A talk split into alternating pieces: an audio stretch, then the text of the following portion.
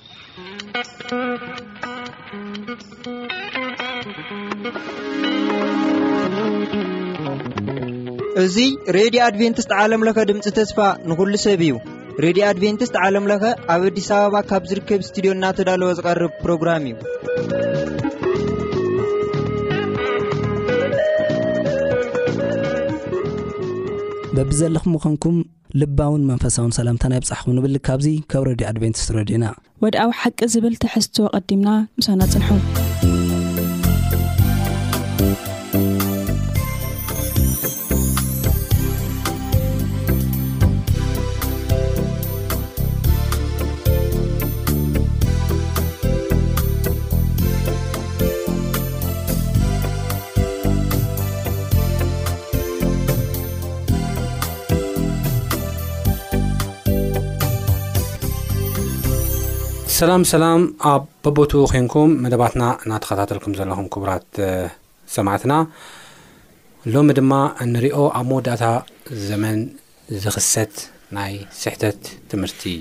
ወይ ድማ ምትላላት እዩ ዝኸውን ማለት እዩ። እዚ ሓሳብ እዚ ክቡና ኣብዚ ምሳና ዘለዉ ሓውና ማረን ሓፍትና ችቹን ብምዃን እዮም። መጀመርያ ጻውዒትና ኣኽቢርኩም ስለ ዝመጻኹም እግዚኣብሔር ይባርኽኩም ክብል እፈቱ። ከም ናይ መእተዊ ጥቕስና ኣብ ካልኣይ ቆሮንቶስ ምዕራፍ 11 ፍቕዲ 14 ክሳብ 15 ዘሎ እዩ። ከምዚ ድማ ይንበብ። ሰይጣን እኳ ንርእሱ መልኣኽ ብርሃን የምስል እዩ እሞ፣ እዚ ኣየገርምን እዩ።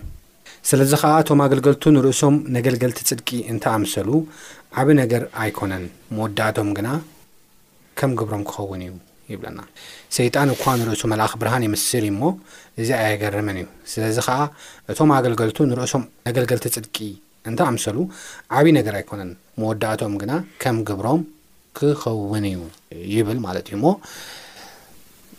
ቅድሚ ኩሉ እግዚኣብሄር ምእንቲ ከምህረናን ክመርሓናን ሕፅር ዝበለ ጸሎት ክንጽል ኢና ኣብ ሰማያት ትነበር ቅዱስ እግዚኣብሔር ኣምላኽና ስለዚ ግዜን ሰዓትን ነመስግነካ ኣለና ሕጂ ድማ ቃልካ ከፊትና እምነትና ዕልዋን ንስኻ ምሳና ክትከውን ከተምህረና ንልምን ብጎይታናን መድሓና ነዚ ክርስቶስ ስም ኣሜን ኣሜን ሕራይ ደጊመ እንኳዕ ድሓን መጻኹም እናበልኩ ናብቲ ናይ ሎሚ ኣርእስትና ኢና ብቐጥታ ክንኣቱ ናይ ሎሚ ኣርእስና እምበኣር ከምቲ ቅድም ኢለ ዝበልክዎ ኣብ መወዳእታ ዘመን ብስፍሒ ዝኽሰቱ ናይ ሰይጣን ምትለላት ወይ ድማ ናይ ስሕተት ትምህርትታት እዩ እና ንርኢ ማለት እዩ። እዚ ማለት ድማ ልክዕ ከም በዓል ምስጢራውነት ወይ ድማ ሚስቲሲዝም እንብሎ ብዛዕባ ሪኢንካርኔሽን መሊስካ ኢንካርኔት ምዃን ወይ ድማ ፍጹም ሰብ ፍጹም ኣምላኽ ምዃን ከምኡውን ንካልኦት ኣጋይሽ ኣማልኽቲ ምምላኽ ከምኡ ከምዚ ዝኣመሰሉ ዝተፈላለዩ ዓይነት ኣምልኾ ከም ዝኽሰቱ መጽሓፍ ቅዱስ ይዛረበና እዩ'ሞ እዚ ሓሳባት እዚ እዚ ምትላላት እዚ ብመንፈስ ቅዱስ ብመጽሓፍ ቅዱስ መነጸር እንታይ ከም ዝመስል ክንርኢ ኢና። ናብቲ ናይ መጀመርያ ሓሳብ ክንኣቱ ከለና እምበኣር ሎሚ ብስፍሓት ካብ ዘሎ ስሕተት ትምህርቲ እንርእዮ ሓደ ናይ ስሕተት ትምህርቲ ብዓቢኡ እንርእዮ ሓደ ምስጢራዊነት እዩ። ምስጢራዊነት ማለት እንታይ እዩ እንተ ኢልና ብምስልሳል ብምስልሳል ወይ ድማ እንታይ ይብል ብምስልሳል ርእስኻ ድማ ኣሕሊፍካ ብምሃብ ናብ ፍፁምነት ወይ ድማ ናብቲ ዘይብፃሕ ፍልጠት ክትበፅሒ ትኽእል ኢኻ ዝብል ኣተሓሳስባ ሎሚ ዮጋ ዝበሃል ስፖርት እውን ሓደ ካብኡ እዩ ተሰላስል ድሓር እቲ ዘይብፃሕ ፍልጠት ትበፅሕ ይብሉካ ናብ ፍፅምና ትበፅሕ ይብሉካ ናብ ኣምላኽነት ትኸውን ይብሉካ ብዙሕ ነገር ኣሎ ከምስታት ዓይነት ናይ ምትላል ነገራት ኣሎ ሞ ምናልባት ሓፍትና ቹቹ ናባኸ ዝሓቶ ከብላ እሞ ከመይ እዩ እዚ ሓሳብ ከመይ ትርእዮ? መጽሓፍ ቅዱስ ክምዘን ከሎ ከመይ ይመስል እዚ ትምህርቲ እዚ? ካብዚ ትምህርቲ እዚ ኸ ክንሕሎ ንኽእል ብኸመይ እዩ? ዝብል ሓሳብ ሽቾች ናባኻ ክመጽእ። እቲ ትምህርቲ ያው ስፖርታዊ እዩ ማለት ስፖርታዊ ምንቅስቃስ ገለ ተገይሩ እዩ ሎሚ ልውሃብ ከምኡ ከዓ ከም ሃይማኖት ከዓ እዚ ነገር እዚ ልምምድ ዝገብሩ ሰባት ኣለውና እዚ እቲ ታርጌቱ እቲ ናይ መወዳእታ ነገሩ እንታይ እዩ ኢልካ ነቲ ውሽጢ እኒኦ ነገር ናዚ ብውልቂ ካብ ረቂቅ ብዝኾነ መንገዲ ካብ ምስ ዝኾነ ኣካል ምዝርራብ ኮንሰንትሬት ገሎ ይብሉ ማለት ሓሳብካ ትእክብ መጀመርያ ካብ ድሃረ ኩሉ ነገርካ ኣብቲ ሓደ ነገር ይኹን ድሃረ ግን ናዚ መወዳእታ ናዚ ልምምድ መወዳእትኡ ሲ ካብ ተፈጥሮ ንላዓሊ ዝኾነ እንታይ ምርካብ ሓይሊ ምርካብ እዩ ካብ ተፈጥሮ ማለት ካብቲ ተፈጥሮ ይኹን ፍጡር ይኹን ምንም ይኹን ምንም ካብ ዘይብሉ ኣብቲ መወዳእታት ይካ ትኸውን በዓልካ ኣምላኽ ትኸውን ዓይነት ነገር ኣተሓሳሰባ እዩ እዚ ትምህርቲ እዚ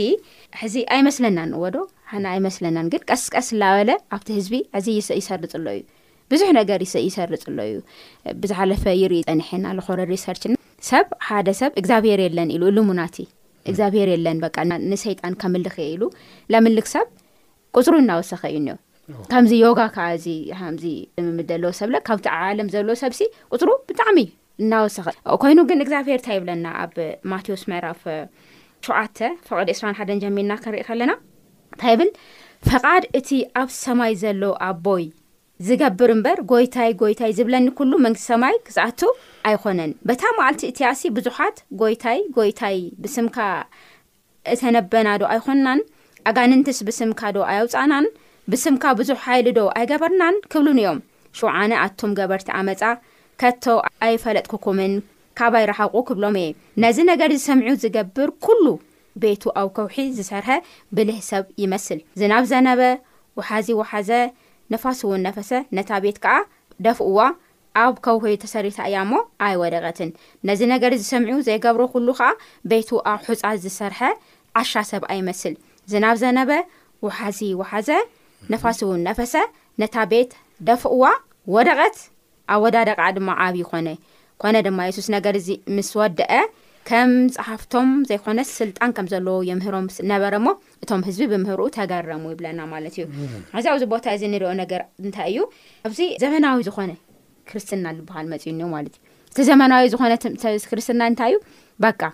ሰብ እቲ መፅሓፍ ቅዱስ ዝበሃል እቲ ናይ ዘመን ዝሓለፎ ዘመን ዝሓለፎ ነገር እዩ እዚ ነገር እዚ ኣየድልየካይ ሰብ ጎይታ ብየሱስ ክርስቶስ ኣሚኑ ይፀድቕ ካብኡ ዝተላዕለ እንዶም ትካድ ከለኻ መንገዲ ኣብዙ ኣብ ምዕራባውያን እንታይ ይኾን መሲሉካ ብጎይታ ብየሱስ ክርስቶስ ተኣምን ድኻ እዩ ይብሉኻ መንገዲ ክትሃልፍ እወ ተልካ በቃ ኮንፊርም ከምዚ እንትን ሂቦም ይሓልፉ ማለት እዩ በቃ እሱ እዩ እቲ እንት ማለት እዩና ግን ኣብዚ ግን እንታይ ይብል ፈቃድ ኣቦይ ዝገብር እዩ ዝብል እቲ ኣነ ዝበልክዎ ዝገብር እዩ ዝብል ፈቃድ ኣቦና ፈቃድ እግዚኣብሄር ከዓ ልርከባብያ ቃሉ እዩ ቃሉ እንተዘየለ በይንኻ ልምምድ ጌርካ ላው ልኾነ ቦታ ልብጻህ ነገር የለን። ግን እዚ ሰይጣናዊ ትምህርቲ እዚ ግን ኣብ ኩሉ ሰብ ከም ለበዳ ሎሚ ማለት እዩ ብፍላይ ምስ ተክኖሎጂ ምስቲ ዘሎ ነገር ተተሓሒዙ ሰብ ይወድቕ እዩ ዘሎ በዚ ትምህርቲ እዙ ባይዘወ ቀጥታ እያ ይመፀካ ስሕተት ትምህርቲ ቀጥታ ይኮነ ልመፀካ እዚ ሎሚ ዘበን ንሪኦ ኣለና እቲ ዚ ውልቃዊ ልምምድ ተባሂሉ መፅዩ እኒኦ ዮጋ ስፖርት ተባሂሉ እዩ መፅዩ እኒኦ ዮጋ ስፖርት ይበሃል ስፖርት እዩ በቃ ኩሉ ሰብ ይለማመዶ ኣሎ እዩ ተለማመዱ ተለማመዱ መወዳእቱ እንታይ እዩ እቲ ትምህርቲ ጥርቅ ኢልካ ትርኢ ከለካ እግዚኣብሄር ምኳን እግዚኣብሄር ምኳን ግን ኣይከኣል ኣብዚ እንታይ ይብለና ፈቃድ ኣቦይ ዝገብር እዩ እምበር ጎይታይ ጎይታይ ዝብለኒ እንታይ ገብሪ ኣብ ሰማይ ኣይኣቱን ይብለና ናብ ፈቃድ ኣቦ ከዓ እንታይ እዩ እንታይ ኢልና ከዓ እዚኣ ን ፈቓደታ እያ ኢሉ እግዚኣብሄር እቲ ሓቀኛ ኣምላኽ ንስኻ ንክፈልጥዎ ዶ ወዱ ኢየሱስ ክርስቶስ ከዓ ክፈልጡ እዚኣስ ናይ ዘለኣለም ሂወት ይብል ማለት እዩ ስለዚ እዚ ከዓ ክርስቶስ ምፍላጥ ኣበይ እኒኦ ኣብቲ ቃሉ እኒኦ ንኣቦ ንምፍላጥ ነቲ ሓቂ ምፍላጥ ኣብቲ ቃሉ እኒኦ ብዘይ ቃሉ ሲ ብዝኾነ ስምዒት ማለት እዩ ውልቃዊ ስምዒት ማለት ዝኾነ ነገር ኣነ ተሰሚዑንስ ንእግዚኣብሄርስ በቲ ስምዒተይ ለክኤስ ንእኡ ኸኣ እናተለማመድኩ ዝኽወድ ኣይነት ክርስትና ወይ ካል ኹን ኣይነት ለውጢ ኣብ ወዲ ሰብ የለን እና እዚ ሕዚ ብጣዕሚ ከቢድ ዝኾነ ትምህርቲ ኮይኑ እዩ መፅ እኒኦ ግን ክንጥንቀቅ ከም ዝግባኣና ልክዕ ከምዚ ከውሒ ገዛ ኣብ ከውሒ ዝሰርሐ ገዛ ኣብ ሑፃ ዝሰርሐ ማለት እዩ እርግፅ ጎይታ ለኣና ብውልቅና እዩ ልፍትነና ልሕግዘና ልድግፈና ለምህረና ብውልቀና እዩ ንኩሉ ነገር ለብለና ግን ፈቃድ ናቱ እዩ ክንገብር እምበይ ናትና ፈቃድ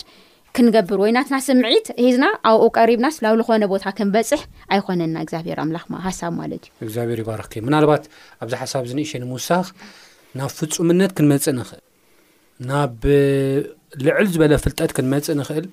ኣጉል ኢቨን ናብ ኣምላኽነት ደረጃ ክንበጽሕ ንኽእል በቲ ኣጉል ዝኾነ ምስልሳል ወይ ድማ ርእስካ ኣሕሊፍካ ብምሃብ ዘይኮነ ሲ ናብ እግዚኣብሔር ብምቕራብ እዩ ናይ ክርስቶስ ምድሓን ብምርዳእ እዩ ሓግዘኒ ብምባል እዩ ሓግዘኒ ሓጋዚ ኣለኒ ኢልካ በር ብባዕልካስ ብባዕልካ ክትበፅሕ ትኽእል ብገዛእ ርእስና ክንበፅሕ ኣይንኽእልን ኢና እዩ እና እዚ ሓሶት ትምህርቲ ካብ መፅሓፍ ቅዱስ ወፃኢ ትምህርቲ ፋክት እውን ዘይኮነ ኣብ ምድሪ ፋክት ዘየለ ኣብ ምድሪ ክውን ዝኾነ ዘይኮነ ነገር እዩ እዚ ሓሳብ እዚ ስኢልካ ብምስልሳል ሲ ናብ ልዕል ዝበለ ከመይ ርካ ብምስልሳል ሰብ ናብ ልዕል ዝበለ ሓሳብ ክበፅሕ ዝኽእል ናብ እግዚኣብሔር ክቐርብ ከሎ ቃሉ ከንብብ ከሎ ቃሉ ክፈልጥ ከሎ እዩ ናብ ፍፁምነት ክቐርብ ከሎ ብክርስቶስ ኣሚኑ ብመንገዲ ክኸይድ ከሎ ክሳብ መጨረሻ ፅኒዑ ክኸይድ ከሎ እዩ ናብ ፍፁምነት ክኸይድ ዝኽእል እምበር ስኢልካ ብገዛእ ርእስኻ ትበፅሖ ኣምላኽነት ኮነ ፍፁምነት ኮነ ናብ ልዕል ዝበለ ፈላጥነት ናብ ማንም ታሽሙ ዝኾነ የለን ማለት እዩ እሞ ጎይታ ይባረካ ሓፍትናቹ ናብቲ ዝቕፅል ሓሳብ ክኣቶ ከለኹ ሓውና ማረ ኣብ ጥቓሞ ዘሎ ልምምድ ዝበሃል ስሕተት ክኣ ኣሎ ሎሚ ብሰፊሑ ብሰፊሑ ምስ ዝሓለፈ ትምህርቲ እናተተሓዘ ሰብሲ ብተፈጥሮስ ኢሞዋት እዩ ኢሞዋት ስለ ዝኾነ ኣብ ጥቓሞት ዘሎ ልምምድሲ ክላመድ ኣለዎ ገና ምክንያቱ ሕጂ እንታይ እዮም እቲ ሰብሲ ክመውት ከሎ ኣብ ሰማይ ዘሎ ወይ ድማ ኣብቲ መቐመጢ ዘሎ ስለ ዝፅበይዎ በቃ ልምምድ በቃ ክኸይደ ይኸይድ ኣለኹ ማለት እዩ ካብ ኣካል ይፍለ ኣለኹ እናበለ ከምዚ ዓይነት ኣለካ ከምዚ ዓይነት ሓሳባት ኣጉል ዝኾነ ሓሳባት ክሓስብ ኣለዎ ኣብ ጥቃ ሞት ኣሪጉ ኣሪጉ ወይ ሓይሙ ዘሎ ከምዚ ዓይነት ልምምድ ክለማመድ ኣለዎ እዩ ኣተሓሳስቡ ማለት እዩ እዚ ሕጂ እንታይ እዩ ዘይኮነ መፅሓፍ ቅዱሳዊ ዘይኮነ ሰብ ብተፈጥሮ ኢሞዋት እዩ ኣብ ዝሓለፈ ብዛዕባ ነፍሲ ርኢና ኢና እሞ ኣማር ሓውና ከመይ ትሪኦ እዚ ሓሳብ እዚ እስኪ ሕራይ እዚ ሓሳብ እዚ እዚ ኣብ ናይ ሞት ጫፍ ኮንካ ትለማመዶ ዓይነት ይመስል ግን ወዲ ሰብ መዋታይ እዩ ወዲ ሰብ ከም ዝመውት መጽሓፍ ቅዱስ ይነግረና እዩ ናይ ሓጢኣት ውፅኢቱ እንታይ እዩ ሞት እዩ ስለዚ እቲ ሞት መን እዩ ዝመውት ተልና እቲ ሰብ ባዕሉ እዩ ዝመውት ዘሎ ካብቲ ሰብ ተፈልዩ ዝኸይድ ዝወፅእ ነገር የለን ዝሓለፈ እውን ዝረኣናዮ ትምህርቲ ማለት እዩ ንኣዳም ካብዚያ ካብዛ ናይ ፅቡቕን ሕማቕን ተፍልጦም ተበሊዕኻ ፍረ ተበሊዕኻ ክትመውት ኢኻ ዝበሎ ኣምላኽ እዩ። ሰይጣን ከኣ ኣይትመውትን ኢኻ ዝበሎ ርኢና ኢና። ስለዚ እዚ ነብሲ ኣይትመውትን እያ ዝብል ትምህርቲ ናይዚ ናይ ግብፂ ናይ ግሪካውያን ፊሎዞፊ እዩ። እቲ ፊሎዞፊ ከዓ እንታይ እዩ? ናይ ሰብ ሓሳብ እዩ ወይ ከዓ ናይ ሰይጣን ሓሳብ እዩ ካብ መጀመርያ ዘፍጥረት ኬና ንሪኢ ኣለዎ እና ፊሎዞፊ ባዕሉ እንታይ ሂማን ኣይድያ እዩ ስለዚ ክንደይናይ መንገድኹምን መንገደይን ሓሳብኩምን ሓሳበይን ክንደይናይ ከም ዝፈላለ ኣምላኽ ኣብ ኢሳያስ ሓምሳን ሓሙሽተን ይነግረና ማለት እዩ። ኣብዚ ክንብል ከለና እንዲያውም እታ ብእንግሊዘኛ እንታይ እያ ትብል እታ መጽሓፍ እዛ ላይፍ ኣፍተር ላይፍ እያ ትብል ከምዚ ነፍስስ ኣብ ዝኾነ ቦታስ ትጸንሕ ኣይትመውትን እያ ኣይትሳቐን እያ ስለዚ እንታይ እዩ ነብሲ ኣይትመውትን እያ ኣብ ዝኾነ ቦታ እያ ትጸንሕ ከምዚ ክሊኒካል ዴድ ዝብል እሞ ብሓቂ ሞት ዘይኮነ ማለት እዩ ስለዚ ምስ ናይ መጽሓፍ ቅዱስና እንታይ ይብል መጽሓፍ ቅዱስና የና ክንመጽእ ንኽእል ኢና ቀዳማይ ነገስት ዓሰርተ ሸውዓተ ካብ ዕስራን ክልተን እሳብ ዕስራን ኣርባዕተን ተሪኢና እግዚኣብሄር ናይ ኤልያስ ቃል ሰምዐ ናይቲ ቆልዓ ነብሲ ኸዓ ተመለሰትሉ ይብል ኤልያስ ተዓቂቡሉ ዝነበሩ ኣብዛ ስናማዊት ሰበይቲ ኣብኣ እዩ ተዓቂቡ እወ ስለዚ ኣብኣ እንታይ እዩ ተኻይዱ ተልና ተወዲ ሞይቱ እዩ ተቆልዓ ሞይቱ እዩ ድሓርክ እንታይ ኮይኑ ኤልያስ ጸልዩ ትነብሲ ከዓ ተመለሰ ይብል ስለዚ መጽሓፍ ቅዱሳዊ ክንርኢ ከለና ብዙሓት ዝሞቱ ኣለዉ ኣልኣዛር እንታይ እዩ ሞይቱ እዩ እንዲያም ኣርባዕተ መዓልቲ ምጽናሕ ማለት ናይ ወዲ ሰብ ነብሲ ከምዚ ክስተ ሽታ ዘምጽኣሉ ነገር ኣሎ ናይ ምብስባስ ነገር ክጅምር እንከሎ ማለት እዩ ጎይታ ንየሱስ ክርስቶስ ንኣልኣዛር ከልዕሎ እንከሎ ኣልኣዛር ሓደ እኳ ኣነ መጽሓፍ ቅዱሳዊ ዘይኮነ ነገር ሞት ድሕሪ ሞት ሞይቶም እዮም እሞ ካብ ሞት ተመሊሶም ዝበሃሉ ሰባት ብዛዕባ ሞት ዋላ ሓንቲ ክምስክሩ ኣይሰማዕናን። ኣብ መጽሓፍ ቅዱስና እውን የለን። ነብያት ኣይጸሓፉን፣ ሃዋርያት እውን ኣይጸሓፉን። ስለዚ ነብሲ ኣብ ዝኾነ ቦታ ድሕሪ ሞትስ ኣብ ዝኾነ ቦታ ጸኒሓስ ኣይሞተትን እሞ በቃ ተመሊሳ እያ መጽያ ዝብል ትምህርቲ ናይ ሰይጣን እዩ። ሓደ ናይጀርያዊ ነይሩ ብዙሕ ካሴታት ብብዙሕ ቋንቋ ዝተተርጎመሉ። ኢማኒኤል ኣሞጽ ይበሃል ነይሩ። ሞይተ ነይረስ ተላዒለ? እንታይ እዩ ኣብቲ ሞት ዝረኣኽዎ ነገር? ኣጋንንቲ ኣብ እዚ ናይ ኣትላንቲክ ኦሽን ኣብቲ ግራውንድ ኣብኡ ኣኸባ ገይሮም ዓለም ከመይ ገይርና ነስሕት እናበሉ ተኣኪቦም ከምዚ ኮንፈረንስ ይገብሩ ዓብዪ ጉባኤ ይገብሩ ኢሉ ክዛረብ ቀደም ንሰምዕ ብካሴት እውን ወፂኡ ነይሩ እዩ ግን መፅሓፍ ቅዱሳዊ ድዩ ሙታን ዋላ ሓንቲ እኳ ክፈልጡ ኣይኽእሉን እዮም። ሙታን ሕማቕን ጽቡቕን ክሰምዑ ኣይኽእሉን እዮም፣ ካብ ስርሖም ኩሉ ዓረፉ እዩ ዝብል። ስለዚ ሓደ ካብ መጽሓፍ ቅዱስና ዘይንረኽቦ ትምህርቲ እተሃለወ እዞም ሞይቶም ዝነበሩ ሰባት ብዛዕባ ሞት ሓንቲ ዝምስክርዎ ነገር እዩ። ስለዚ መጽሓፍ ቅዱስና እንታይ እዩ ዝብል? ዋላ ሓንቲ ኣይገለጹን እዮም። ብዛዕባ ሞት ኸመይ ከም ዝነበረ፣ ካብ ሞት ናብ ህይወት ክመጹ እንከለው ኣልኣዛር ዝተዛረቦ ነገር የለን፣ ሃዋርያት እውን ዝተናገርዎ ነገር የለን እና ዋላ ሓንቲ ኣይተገለጸልናን፣ መጽሓፍ ቅዱሳዊ እውን ኣይኮነን። እና እዚ ነብሲ ኣብ ገነት እያ ዘላ፣ ነብሲ ኣብ ዝኾነ እዚ መዕቆቢ ቦታ ኣለዋ ዝበሃል ነገር እሱ ናይ ስሕተት ትምህርቲ እዩ። መጽሓፍ ቅዱስ ክዛረበና እንክሎ ግን እዞም ዝሞተ ሰብ ዋላ ሓንቲ ነገር ኣይሓስብን ኣይፈልጥን ክሳብ ብትንሳኤ ጎይታና የሱስ ክርስቶስ ካልኣይ ኣብ ካልኣይ ምጸቱ ክመጽእ እንከሎ እቶም ቀዳማይ ክፍሊ ዘለዎም ናይ ትንሳኤ ብፁዓን እዮም ዝብሎም ንሱ ተልዕሉ ክበሃል ከሎ ክንለዓል ኢና እምበር እዚ ነበራ ነበረ እዩ ብሓፂሩ ናይ ሰይጣን ትምህርቲ እዩ ነፍሲ ትመውት እያ ዝሞተ ሰብ ከዓ ዋላ ሓንቲ ነገር ክፈልጥ ነገር ይብሉን ኣብ ዝሓለፎም ብደንቢ ገርና ብዛዕባ ነፍሲ ርኢና ኢና ብተፈጥሮ ኢ መዋቲ እግዚኣብሄር ጥራሕ እዩ ቀዳማ ጢሞቴዎስ ምዕራፍ 6 ፍቅዲ 16 ብተፈጥሮ ኢ መዋቲ እግዚኣብሄር ጥራሕ እዩ ሰብ ብተፈጥሮ ኢ መዋቲ ይኮነ ኮንዲሽናል እዩ ዘልኣለም ክነብር ተኮይኑ ናብ ክርሱስ ክመጽእ ኣለዎ ብክርሱስ ክኣምን ኣለዎ ትብል ሓሳብ እያ ዘላ ናብ ሓፍትና ቹቹ ክምለስ እቲ ካልእ ኣተሓሳስባ ከኣ ሎሚ ኣብ ዓለም ሰፊሕ ተቀባልነት ረኪቡ ብዙሕ መጽሓፍቲ ውን ጸሓፈሉ ዘሎ ትምህርቲ ተኮኑ ከኣ እንታይ እዩ ሪኢንካርኔሽን ተባሂሉ ዝጽዋዕ እዩ እዚ ሪኢንካርኔሽን ተባሂሉ ዝጽዋዕ ኣጸዋውዓ ተመሊስካ ምውላድ ማለት እዩ ሓደ ሰብሲ ሞይቱስ ተመሊሱስ ብካልእ ወይ እንስሳ ኮይኑ ክፍጠር ይክእል እዩ ሪቦርን ማለት እዩ ወይ እንስሳ ኮይኑ ክፍጠር ይክእል እዩ ወይ ዝኮነ ወይ ዑፍ ወይ ዝኾነ ባዕሎም ዝብልዎ ነገራት ዝብል ናይ ሓሶት ትምህርቲ እዩ መፅሓፍ ቅዱሳዊ ዘይኮነ ትምህርቲ እሞ ሓፍናቹ እዚ ሪኢንካርኔሽን ብመፅሓፍ ቅዱስ መነፀር ክረአ ከሎ ከመይ እዩ ዝብል ኣተሓሳስባ ናባካ ክበኪ ዋሕዚ እቲ ዋና ነገር ሳዩ እዚ ነገር እዚ ክንርኢ ተኮይና እግዚኣብሄር ብዛዕባ ጥንቆላ ዝብሎ ነገር መጀመርያ ክንርኢ ኣለና እንደገና ምርኻብ ወይ ደሞ ሙታ መንፈስ እንደገና ይነብሩ እዮም እሞ በቃ ምስኦም ምምክኻር ምስኦም በቃ ይሪኡና እዮም፣ ይድግፉና እዮም፣ ይሰምዑና እዮም እናልካ እትካዶ ሓሳብ ትክክል ድዩ ኣይኮነን እዩ ዝብል እግዚኣብሔር ብዛዕባ ጥንቆላ ዝብለና ነገር ንረ ዘለዋውያን ዓሰርተ ትሽዓተ ፍቅዲ ሰላሳን ሓደን ከምዚ ይብል ናብ መንፈስ ጥንቆላ ዘለዎምን ናብ መውደቅሲ ዛዓጎልን ኣይትመለሱ ብኦኦም ከይትረክሱ ኣይትድለይዎም ኣነ እግዚኣብሄር ኣምላክኩም እየ ይብል ማለት እዩ። እንታይ ልበሉ እዚኦም ጥንቆላ ዘለዎም መውደቅቲ ዛዕጎል ጥንቁሉ ማለት እዩ ብሓፈሻ ማለት እዩ። ካብኡ ካዓ ካይድና ዕስራ ፈቅዲ ሽዱሽተ ካይድና ክንሪኢ ከለና ከምዚ ይብል ናብቶም ጥንቆላ ዘለዎም ናብ መውደቅቲ ዛዕጎልን ብምንዝር ክትስዕቦም ኢላ እትምለስ ነፍሲ ኣነ ገፀይ ናብታ ነፍሲ እቲኣ ክምልስ እየ ካብ መንጎ ህዝቢ ካዓ ክምንቁሳ እየ ይብል ማለት እዩ። ስለዚ እግዚኣብሄር ጥንቆላ ክንዳየናይ እዩ ኣብ ጥንቆላ ዘሎ ኣረዳድኣና እግዚኣብሄር ክንዲ ኣየናይ እዩ ዝብል ብደንቢ ገይሩ እዚ ይገልጸልና ኣብኡ ከይና ዕስራን ሸውዓተን ከዓ ሰብኣይ ወይ ሰበይቲ መንፈስ ጥንቆላ እንተለዎ ወይ ምውዳቕ ዛዕጎል እንተኾነ ሞት ይሙት ብደርባ እምኒ ይቅተልዎ ደሞም ኣብ ልዕሊኦም እዩ እዚ ኢሉ እግዚኣብሄር እንግዲህ እቲ ናይ መወዳእታ ጥቅሲ ከዓ ኣብ ዘዳግም ዘሎ ክንርኢ ከለና ዘዳግም ከዓ ብደንብ ገይሩ እዩ ዘዳግም ዓስር ሸሞንተ ከይና ክንርኢ ከለና ብደንብ እዚ ነገር ይገልጸና እዩ ከምዚ ይብል ናብታ እግዚኣብሄር ኣምላክካ ዚህበካ ምድሪ ምስ እተኻ፣ ከም ጽያፍ እቶም ህዝብታት እቲኣቶም ክትገብር እትመሃር፣ ወዱ ወይ ጓሉ ብሓዊ ዚሐልፍ ወይ መውደቕ ዚኣጎል ወይ ብደመና፣ ብተመን፣ ዚፈልጥ ወይ ኣስማተኛ ወይ ተራጋሚ፣ መናፍስት ዚጥይቕ ወይ ጠንቋሊ ወይ ንምዉታት ዚጥይቕ ኣባኻ ኣይረኸብ። እዚ ነገር እዚ ዚገብር ኵሉ፣ ኣብ እግዚኣብሄር ፍንፉን እዩ እሞ፣ ብሰሪ እዚ ጽያፍ እዚ ድማ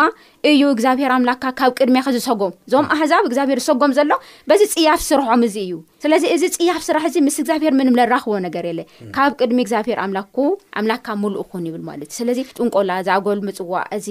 ተፈላለዩ ነገራት ኣብ ቅድሚ እግዚኣብሄር ተቐባልነት የብሎምን። ሕዚ ሃና ሙታን እንታይ እዮም ኢልና ሞይቶም በቃ ልፈልጥኦ ነገር ይብሉ። ሰብ ላብ ሙታን ትኸድ ከሎ ናበይ ናብ እቲ እግዚኣብሄር ላብ ለለልዮ ነገር ይኸድ እሞ እግዚኣብሄር ፍንፉን እዩ። እጸልኦ እየ እንዳውም ኣብታ እስራኤል ግዜ ካብቲ ማእከልኩም ወሲድኩም እንታይ ብዳርዋ እምኒ እንታይ ገሩ ቅተልዎም ይቅተሉ ነሮም እዮም ከምዚ ዓይነት ኣምልኾ ዘለዎም እና ሎሚ እውን እግዚኣብሔር እቲ ናቱ ስራሕ ኣቋሪጹ ማለት ኣይኮነን ግን ንኩሉ ግዜ ኣለዎ እቲ ኣብ መወዳእታ ግን እንታይ ይብል ኣብ መክብብ መጽሓፍ ክንርኢ ከለና እንታይ ይብል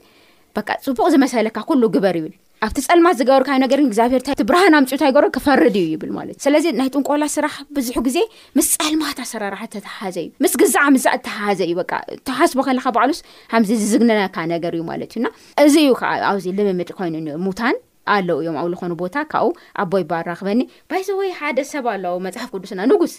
ቀዳማይ ሳሙኤል ምዕራፍ ዕስራን ሸሞንተን እሲ ንጉስ ሳሎ ሳኦል በቃ በቲ እግዚኣብሔር ክብሩ ወሲዱ ካብ ልዕሊኡ ክብሩ ተቀንጢጡ በ በቲ ልኸዶ መንገዲ እግዚኣብሔር ካብሎ መጀመሪ ካባካ መንግስቲ ከዓ ሕሊፈ ሂበ እዩ እኒኹ ተወዲኡ ምስ በሎ ሳኦል በቃ ብባዕሉ ፋሕጨርጨር ላለ ፋሕጨርጨር ምስ ኣበዩ ሓደ ግዜስ ናብ ጠንቋሊ ትኽል ካይዱስ ታይ ይብል ሳሙኤል እባ ኣምፂ ኣራክብኒ ምስ ሳሙኤል ይብላ ማለት እዩ ካብኡ ሳሙኤል ተተንሰእሉ ካብኡ ምስቲ ሳሙኤል ይዛረብ ማለት እዩ እዚ ግን እግዚኣብሔር ንባዕሉ ንባዕሉ ንሳኦል ታይርዎ ነይሩ ኣብ